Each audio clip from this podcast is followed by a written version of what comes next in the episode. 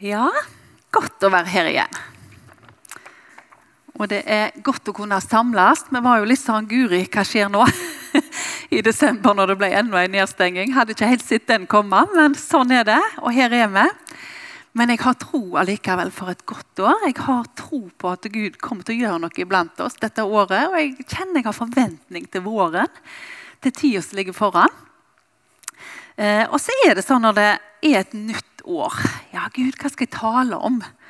Ny, frisk start. Eh, og temaet mitt for talen i dag det er å rydde vei for Herren. Eh, og når det er et nytt år, da er det iallfall jeg litt sånn at jeg, jeg syns det er godt å sette meg ned, reflektere litt igjennom livet mitt. Hva har vært bra i det året som har vært? Hva har vært mindre bra? Hva vaner har jeg i livet mitt som er gode? Og hva vaner har jeg som jeg egentlig ikke er så stolt over og kunne godt tenkt meg å fått en ende på? Eh, og så har en jo lett for å sette seg noen mål når det er et nytt år. Og jeg tenker det er ypperlig anledning til å gjøre det. Enten det gjelder noe ene eller andre område i livet. Og Mange av oss vi begynner jo liksom på ny, frisk start. Mannen min han sa til meg i går Ingvild, la ikke jeg gå til sjokolade på ei uke. og jeg heier på han, vet du. Endelig står vi sammen. Så får vi se hvor lenge det varer dette året. Men vi har lett for å sette oss litt sånne mål sant? på ting som vi ja, har lyst på en endring i. da. De fleste er vel der som meg, at vi gjerne åt litt for mye i jula, og så begynner vi på liksom en ny, frisk start. Både når det gjelder trimmen og det ene og det andre. Og det er godt med nye forsett.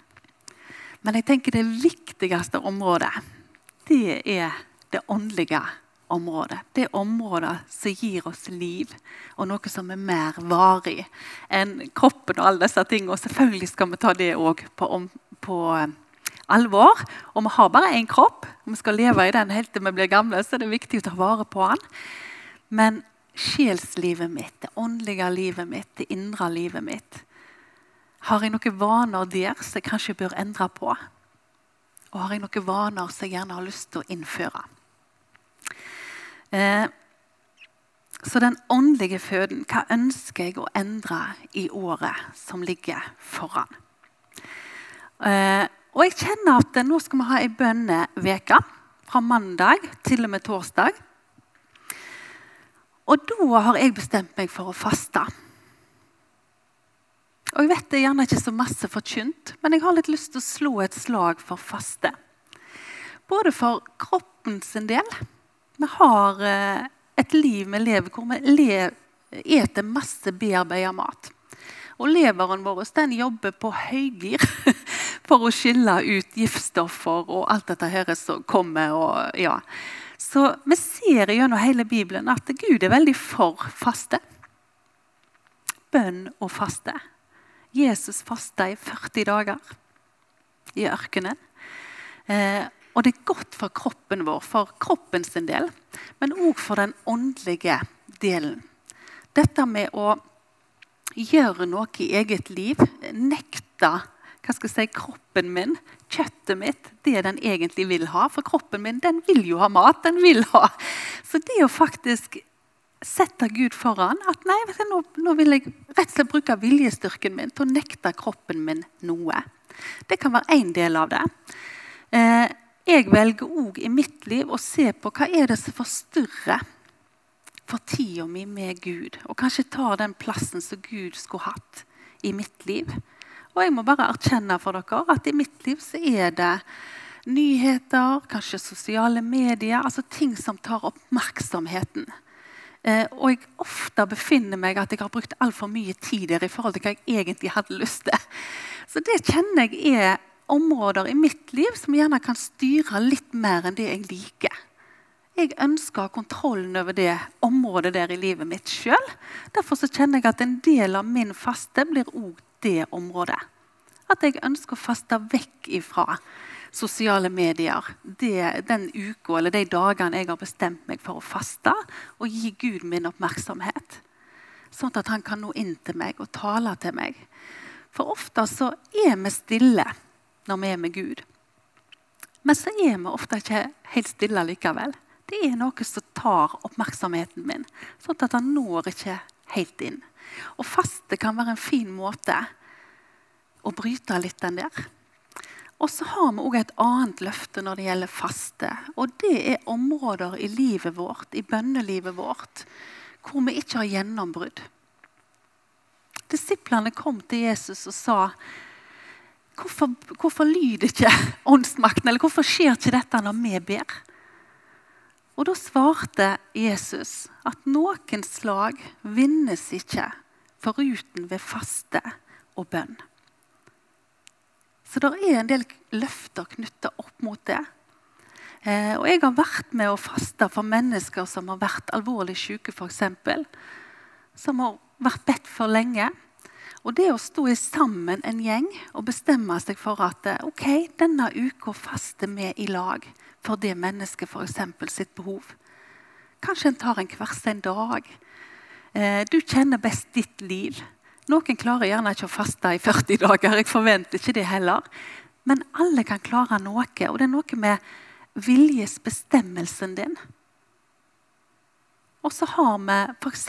Daniels faste.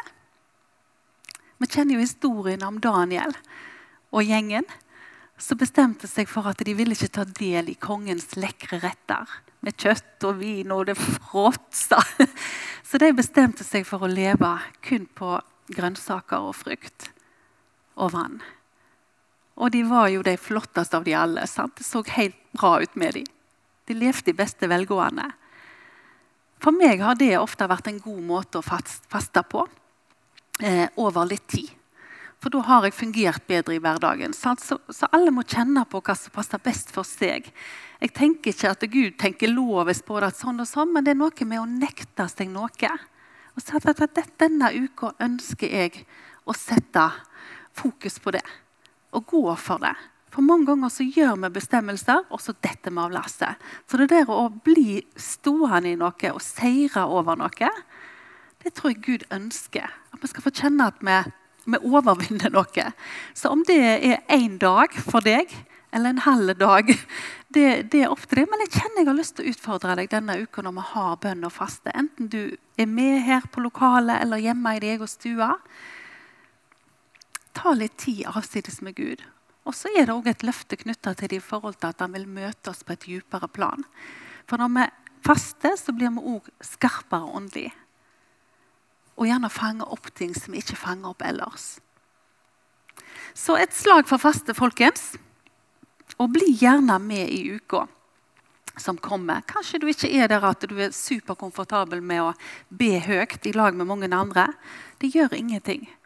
Ingen er tvungen til å være med og be. Bare kom og vær i rommet, vær i fellesskapet. Du er iallfall hjertelig velkommen. Eh, dette året har jeg eh, begynt å følge en leseplan i lag med mange fra hele landet. Eh, det er IMI-kirka som dro i gang et initiativ. og det å gå gjennom Bibelen på ett år. da. Så vi hører en andakt og leser bibelord og knytter opp mot det. Og så deler en rett og slett refleksjoner og tanker rundt det i lag med de andre. Utrolig sånn, godt å høre andre sine tanker rundt de samme bibelordene. Så kanskje jeg tenker helt noe annet rundt og deler med hverandre. da. Eh, og der, En av de første dagene så leste vi om Johannes, døperen, som rydda vei for Jesus. Og der stoppet det litt sånn opp. For det første så var jo Johannes en eh, litt merkelig type. Og jeg tenkte litt sånn Hvordan hadde jeg reagert på Johannes i dag? Hvordan hadde du reagert på han i kamelhårsskinn? Jeg, jeg kan tenke meg Han var litt sånn utfordrende da. Og når han møtte folket, så, så kalte han de alle mann for ormeunge, Liksom. Det var litt av en framtoning. Omvend dere. Han var ganske sånn skarp i budskapet. Men så tenker jeg òg liksom budskapet hans var omvend dere. Og hva betyr det egentlig i mitt liv, da, hvis han hadde snakket til meg? Omvend deg, Ingvild. Gjør ting på en annen måte. Legg av det som stenger for Gud. Han var der jo for å rydde vei for at Jesus kunne rett og slett bli synlig i mitt liv. Hvordan hadde jeg tatt imot budskapet til Johannes? Hadde jeg klart å se forbi det ytre og i det hele tatt omvendt meg og på en måte tatt imot det? Eller hadde jeg bare tenkt at ja, jeg gjør noe som jeg vil, og han der gidder jeg nå ikke høre på engang? Eller hadde jeg ransaka hjertet mitt og kjent etter? Er det noe jeg må omvende meg ifra? Er det noe som stenger veien for Jesus i mitt liv? At han kan få innpass og tale til meg? I Kolosserne 3, i vers 2-3, så står det La deres sinn være vendt mot det som er der oppe, og ikke mot det som er på jorda. Og I den tida vi har levd nå, så kjenner iallfall jeg på at det til tider har vært ganske utfordrende. Vi har på en måte levd i en tilstand hvor eh, vi har sittet litt klistra til nyhetene litt sånn hva er lov nå, hva, gjelder nå, og hva gjelder ikke.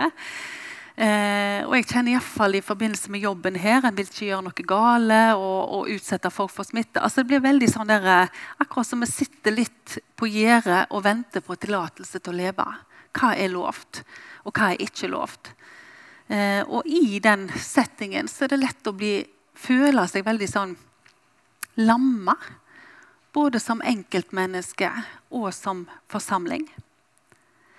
Eh, og jeg ser at det, det, som da gjerne skjer litt med oss På en måte så er det litt sånn godt å logge av, slappe av. Vi kan kjenne på at å, det var litt godt å ha litt ro og liksom koble av fra aktivitetene. Og, og gjerne slå oss litt til ro der.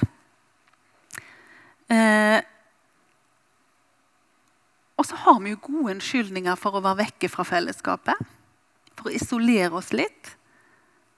Og vi vet jo at djevelen han eh, ønsker å isolere oss. For da er vi ikke så sterke som når vi står sammen. Da er vi et lettere bytte.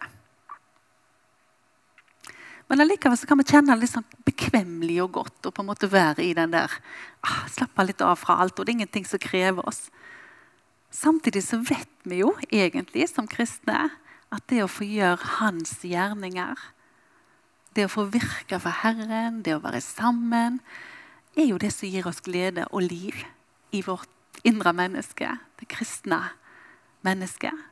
Allikevel så lokker litt den der sløvheten oss. Og vi har på en måte litt sånn tillatelse til det òg. Det er lovt. Og det er gode grunner til å holde seg hjemme. sant? Så det blir en litt sånn ambivalent greie. Og vi må gjerne ta en bestemmelse igjen for å bestemme oss å gå. Nei, jeg vil gå når det er mulig. Jeg vil søke inn til de andre. Og Vi kan mange ganger kjenne at når vi har vært kobla av en stund, så blir det vanskelig å koble på igjen. Kanskje trenger vi litt drahjelp av hverandre. Men det er lett å bare ha fokuset på verden og alt som foregår, og spesielt når det stormer litt. Da er det mange ganger vanskelig å koble på det som er Guds ord og hans løfter. Og Da kan det mange ganger bli vanskelig å be trosfylte bønner òg. Fordi at alt hodet mitt er opptatt av, det er siste nytt og nyheter og skremselspropaganda og det ene av det andre. Da blir det vanskelig å løfte blikket og be bønner av tro. For troen, den kommer av hørelsen. Og hva hører mine ører? Hører de Guds ord daglig? Er det det mine ører hører? Eller hører det kun nyheter som sprer frykt og uro? For da Troen den kommer uansett. Men hva følger man med? Det hjertet er fylt av, det flyter munnen over med. Og det er en som vil fylle oss med frykt. Vi skal jo selvsagt være opplyste og følge med i denne tida. Men vi trenger ikke å fòre oss med det. Og Jeg kjenner det er en utfordring for meg, og det er noe jeg må jobbe med hver eneste dag. At jeg vil ikke la frykt fylle meg. Det gjør meg ingenting godt. Stjeler bare livet mitt og gleden i Gud.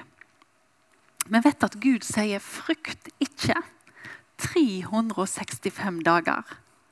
Nei, ganger. Én for hver dag, inklusiv skuddåret dere. Fikk en for den òg. Jeg syns jo det er litt herlig. Han har humor òg, vet du. Og så er det jo det at han har skrevet det så ofte, så tenker jeg det er kjempeviktig. Det er en av de viktigste tingene. Og Gud kjenner oss. Han hadde ikke skrevet det 365 ganger hvis ikke han visste det var lett for oss å frykte for alt mulig og bekymre oss. Men så har vi heldigvis en Gud som er i går. Han kjenner gårsdagen. I dag og i morgen. Og det kjenner jeg har vært en sånn trøst for meg. Gud, du allerede er i morgen. Du kjenner morgendagen. Og når jeg ber til deg, og når jeg legger mitt liv i din hånd, så er du allerede der. Du vet hva som skjer. Og jeg tenker på det før pandemien. Skal du, Vibeke, når vi var på Futurum? Så følte vi Gud mante oss til å få opp bibelgruppene, få opp smågruppene. Vi skjønte jo ikke da hvorfor det var så viktig, hvorfor det lå så på Guds hjerte. Han visste om pandemien, og han visste vi trengte de små fellesskapene hvor vi kunne være i lag. Færre. Gud er i morgen. Han vet hva som ligger foran. Og det er en Gud som kjenner oss bedre enn vi kjenner oss sjøl. Og Jeg har bare lyst til å lese opp til deg eh, Salme 139. Og Jeg har lyst til å lese den eh, versjonen som står i Hverdagsbibelen. For jeg syns det er så vanvittig godt formulert der. Og det er den Gud som du kan få legge livet ditt i hånda til. Det er salmsang av David. Herre, du kjenner meg inn og ut. Hvor jeg sitter eller står, så vet du det. Du vet hva jeg tenker på lang avstand. Mitt liv og måten jeg lever på, den blir granska av deg, for du kjenner mitt liv i detalj. Ikke ett ord kommer på min tunge uten at du fullt og helt vet hva jeg skal si. Du omgir meg både bakfra og forfra, og du har lagt din hånd på meg. Det er for underfullt for meg å forstå, og det er for høyt til at jeg kan fatte det. Hvor kunne jeg komme bort ifra de ånd? Eller hvor kan jeg flykte fra ditt blikk og ditt nærvær? Om jeg kommer opp til himmelen, så er jo du der. Kommer jeg ned til dødsriket, ja, da er du der òg. Tok jeg på meg vinger og fløy der sola stiger opp om havet om morgenen ved havets ytterste grense. Sjøl der skulle de hånd lede meg og holde meg fast. Om jeg skulle si sannelig, la mørket dekke meg, så er sjøl mørket ikke mørkt for deg. Natten skulle være lys, så dagen rundt meg. Mørke eller lys, det gjør ingen forskjell for deg. For det er du som eier meg. Du har skapt meg i min mors liv. Jeg vil lovprise deg, for du har skapt meg som et underverk. Det du gjør, er mirakuløst, og min sjel vet det så vel. Mitt skjelett var ikke skjult for deg da jeg tok form i det skjulte og kunstferdig ble danna i min mors mage. Allerede sett foster så dine øyne meg. Og de dagene du hadde planlagt for meg, var alle skrevet ned i din bok. Sånn var det før en eneste av dem var kommet. Hvor grenseløse dine tanker er for meg og Gud. Dine samla tanker for meg er enorme. Skulle jeg telle dem, er det flere av dem enn havets sand. Blir jeg ferdig, så er jeg fortsatt hos deg. Jeg syns det er en nydelig beskrivelse av den Gud som har kalt oss. Den Gud som har sagt vi kan få lov til å legge livet vårt i hans hånd og stole på han. For han kjenner altså når meg i morgen. Det står òg i Jeremia 29, 11. For jeg vet hva tanker jeg har med dere, sier Herren.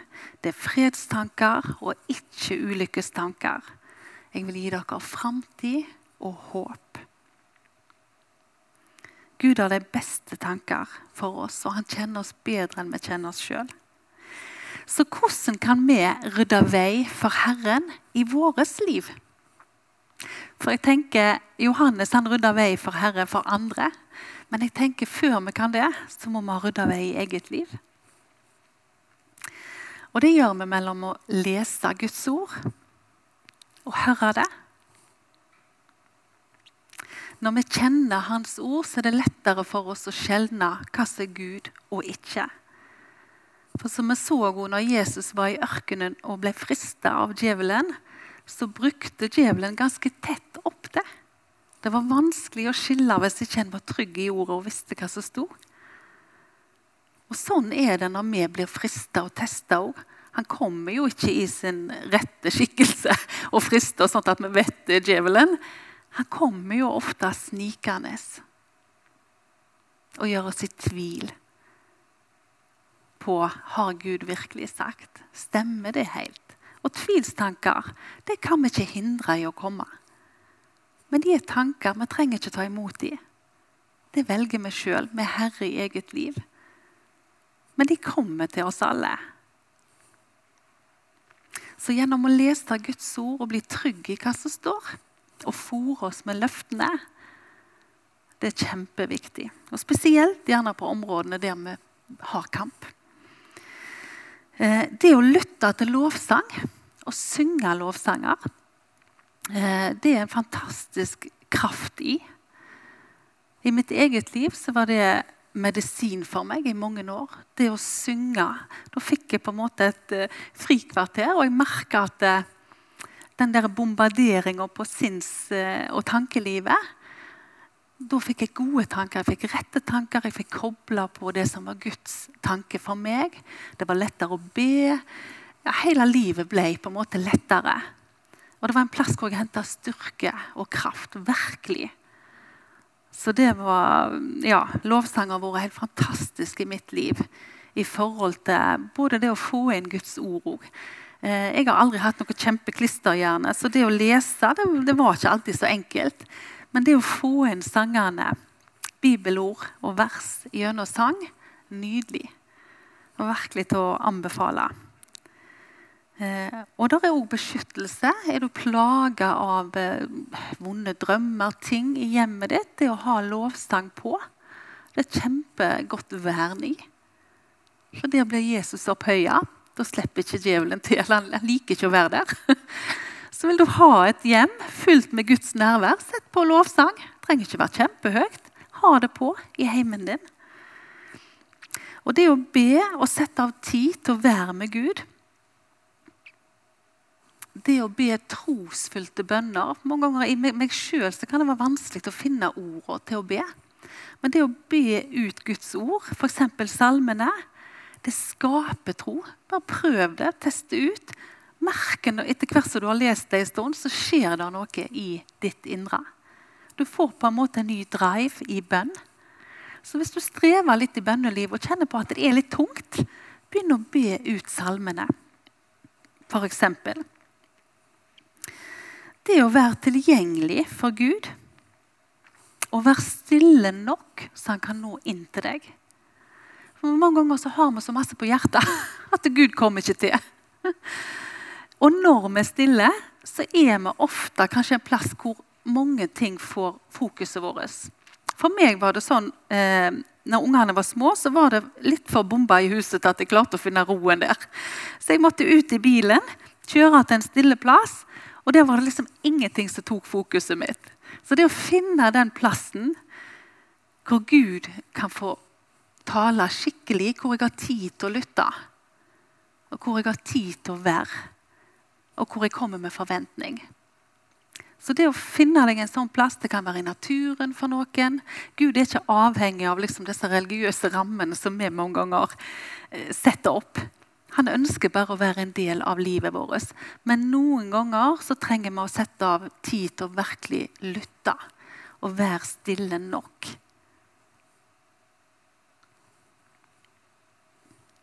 Og så har vi jo, som jeg var inne på tidligere, bønn og faste. Vi ser gjennom hele evangelien at Jesus ofte går avsides for å være med Gud alene, og han oppmuntrer disiplene til det. Kom avsides, så dere kan hvile dere litt. Og Gud ser at vi, vi kan ikke stå på 24-7 og liksom aldri hente oss inn.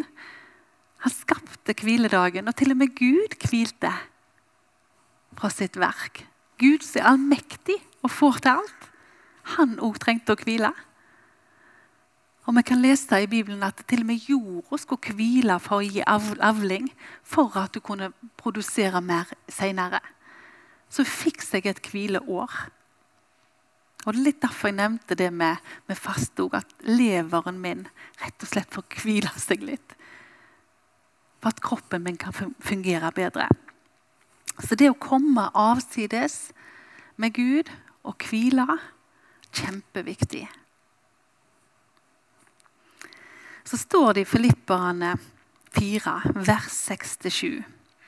Vær ikke bekymra for noe, men la alle ting bønneemnene deres komme fram for Gud med påkallelse og takk.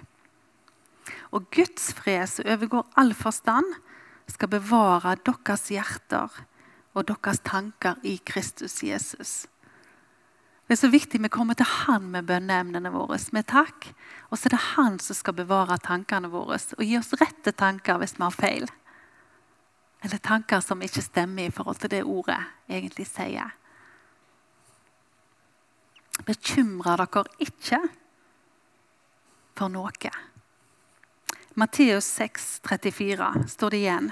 Bekymre dere ikke for morgendagen, for morgendagen skal bekymre seg for seg sjøl. Hver dag har nok med sin egen plage. Hvor mange ganger bruker vi ikke kreftene vi skulle ha brukt i dag, på det som ligger der og der og der? og der? Kave oss opp og bekymre oss for det som ligger foran. Sånn at vi ikke har krefter til den dagen vi skulle leve i dag. Det hjelper ingenting om vi bekymrer oss. Men det hjelper å gå til Gud og si det til han. Kast på han alt som tynger deg, for han har omsorg for deg. Da får vi lagt det av, og så jobber han på saken. Og han er mye bedre å jobbe enn meg og deg. Han som kjenner morgendagen. Det er jo den beste plassen å legge bekymringene ifra oss. Og det står mange ganger om bekymringer, for det vet Gud er en svakhet hos oss mennesker. Vi bekymrer oss for det ene og det andre. Og Han fordømmer oss ikke for det, men han har anbefalt oss å gå en plass med det. Bruk kreftene dine på dagen i dag. Salme 55, vers 22. Kast på Herren alt som tynger deg, og Han skal holde deg oppe. Det er jo et fantastisk løfte og en friplass å få lov til å kaste det. Du har lov til å slenge det. Sette ord på det når du slenger det. Ja, Han vil vi skal komme til han med alt som tynger. Og han vet hva som tynger deg, ditt liv. Matteus 11, vers 28 og 29.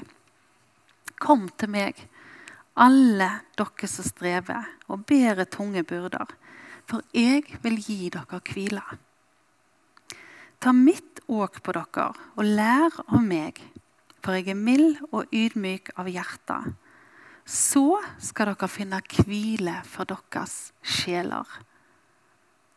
Og Gud vil vi skal være i en plass av hvile. Han vil ikke vi skal leve i konstant uro og angst og stress. og Det tapper oss fullstendig for krefter. Og Spesielt i tida vi lever i nå, så er det mye som vil stresse oss og fylle oss med uro, angst, frykt. Alt dette her. Vi har vel kjent det på kroppen hele gjengen, hvis vi skal være ærlige. Mer eller mindre. Men Gud vil fylle oss med sin hvile. Den fred som overgår all forstand. Den fred vi kan ha når det stormer rundt oss, som bare Gud kan gi. Og tenk hvor privilegerte vi er. At vi har en plass vi kan gå, så faktisk vi kan få den freden. Han vil vi skal ha fred og falle til ro i vårt indre. Det er ingenting mer han ønsker for oss enn akkurat det. Og kristenlivet det kan være stress og krav, og vi lager det til en masse som Gud aldri hadde tenkt. Han vil vi skal komme og sitte på fanget og finne hvile for våre sjeler, på hjertet vårt, og vite at vi er akseptert, elsket, ønska og kalt med navn. Men han vil ha gjensvaret, og han vil at vi skal dele livet vårt med han. Og alt vi ikke får til. Han forventer ikke perfekte kristne som har peiling og greier på alt. Han tar oss akkurat sånn som vi er, med alle våre tvil, med alle våre feil, med alle våre bristepunkt. Han kjenner oss inn og ut. Før vi har et ord på tunga, så vet Gud om det. O bekymringene våre. Men han vil allikevel vi skal si dem og gi dem til han som en troshandling. Det er så viktig at Guds ord får slå rot i vårt indre. Det hjertet er fullt av, det flyter munnen over med. Og det er lett å be bønner ut ifra frykt og redsel og panikk. sant? Men det er ikke trosfylte bønner. Og det som beveger Gud, det er tro. Sånn ikke jeg kjenner at jeg har det sjøl, og det er det ikke alltid jeg har. Jeg kan møte på tøffe utfordringer i livet hvor jeg bare kjenner at alt jeg har her, Gud, er vantro. Og det er helt greit. Men da kan jeg få lov til å be ut Bibelens ord, som er samsvar med det Gud tenker. Og det responderer han på. Vi møter alle på tøffe ting i livet. Og jeg kjenner iallfall for min del at de periodene hvor vi har stått i kriser, da er det ofte en tid hvor det er vanskelig å sette seg ned og fylle seg med Guds ord, for at det er kaos oppi topplokket. Og da er det fantastisk å kunne hente fram det som allerede er sådd inn. Hvis vi tenker på hjertet vårt som en bankkonto som jeg setter inn på gode dager og jevnlig, så har jeg noe som jeg kan ta ut når jeg trenger det. Så det er så viktig å fylle på. Fylle på det kortet. At ikke du svir av mastercardet til det er blårøyk, vet du. Nei, men, men eh, jeg merka iallfall da når vi hadde eldste datter av oss var kjempesjuk og lå innlagt i Stavanger, og det gikk eh, ganske mange dager før de fant ut av hva ting var, og ja, det var ganske kritisk. Da var det godt å, å bare kunne kjenne på de ordene som allerede lå der. Og kjenne at eh, noen løfter oss opp i bønn til Gud, når kanskje ikke vi alltid klarte å be sjøl. Og som søsken og som fellesskap så skal vi få lov til å grine med de som griner. Vi skal få lov til å le og fryde oss med de som er glad. Vi skal få lov til å bære hverandres byrder og ha omsorg for hverandre.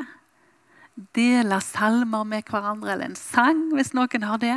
Vi er satt her for hverandre, og alle i fellesskapet har sin unike plass. Og jeg tenker Det er så viktig at vi er klar over det. Og kanskje spesielt for de som har opplevd denne tida litt vanskelig. At vi rekker ut ei hånd, at vi tar en telefon. At vi sier at vi savner dem, og at vi våger å bry oss. Jeg tror det er en stemme som ofte taler til oss at vi skal ikke involveres, vi skal ikke bry oss, vi skal ikke legge oss opp i andre sitt liv. Og vi kan kjenne at det er litt sånn vanskelig for oss. Men jeg håper at som fellesskap at vi kan rekke ut ei hånd og hjelpe hverandre i vandringen med Gud. For vi trenger hverandre. Og når vi samler gløra, da er det lettere å brenne. Da er det lettere å holde på varmen. Vi trenger hverandre. Så utfordringen i dag Nyttårsutfordring nummer én, dere. Rydd vei for Herren i ditt liv. Så jeg har lyst til at vi lukker øynene, og så ber vi Gud peke på én ting som stenger vei for Herren. Og at han får nå inn i ditt hjerte og i ditt liv på en bedre måte enn det han gjør i dag. Og Her har jeg bare lyst til å legge fram for deg hver enkelt en som sitter i salen, og mitt eget liv òg. Tal til oss, Jesus, og vis oss det som ligger i veien og stenger for at vi kan ha en bedre dialog med deg. Og hvor du kan tale til oss i hverdagen og få virke sterkere i vårt liv, Herre. Jeg ber om at du legger ned en, en vilje i oss til å ville endre på det, og en styrke til å klare det. Så jeg bare takker deg, Herre, for du er en mester på nye begynnelser. Det er ingenting du elsker mer, Gud, enn å begynne på nytt. Se, jeg gjør noe nytt. Skal det ikke spire fram? Det har allerede begynt, og vi skal få merke det. Så jeg bare takker deg, Herre, for nye begynnelser i livene våre. Og takk for at du er ikke opptatt av det som har vært. Det er bak. Og vi skal få lov til å rette blikket framover. Og jeg bare klipper av alle bånd til fortida som hindrer oss i å gå framover. Fordømmelse og feil tanker og ting som har vært. Takk for at vi får lov å legge det bak og begynne med nye blanke ark i dag, Herre. Takk for det du har for oss som forsamling. Og vi takker deg for det som ligger foran, Herre, med forventning til deg og det du skal gjøre, både her på Lærvik bedehus, i vårt liv, men òg det vi kan få lov til å være ute fra bedehuset. Herre. At vi kan få lov til å være en gjeng som påvirker Stord, øya våre, på en god måte, Herre. Jeg ber deg om at vi kan få lov til å virke inn i de hjemmene hvor det er mennesker som strever. Som er ensomme, Herre, som sliter med psykiske ting, Herre. og og jeg bare ber deg, Jesus, at vi kan få lov til å komme med liv der det er død. At vi kan få lov til å komme med håp der det er håpløshet.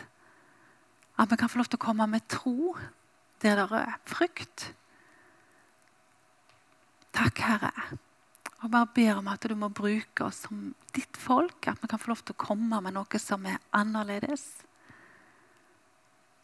Så vi bare takker deg for muligheten for lov til å gå med deg gjennom livet, Herre. Vi priser deg og ærer deg for den du er, Jesus. Hjelp oss å gi gjensvar til deg. Amen.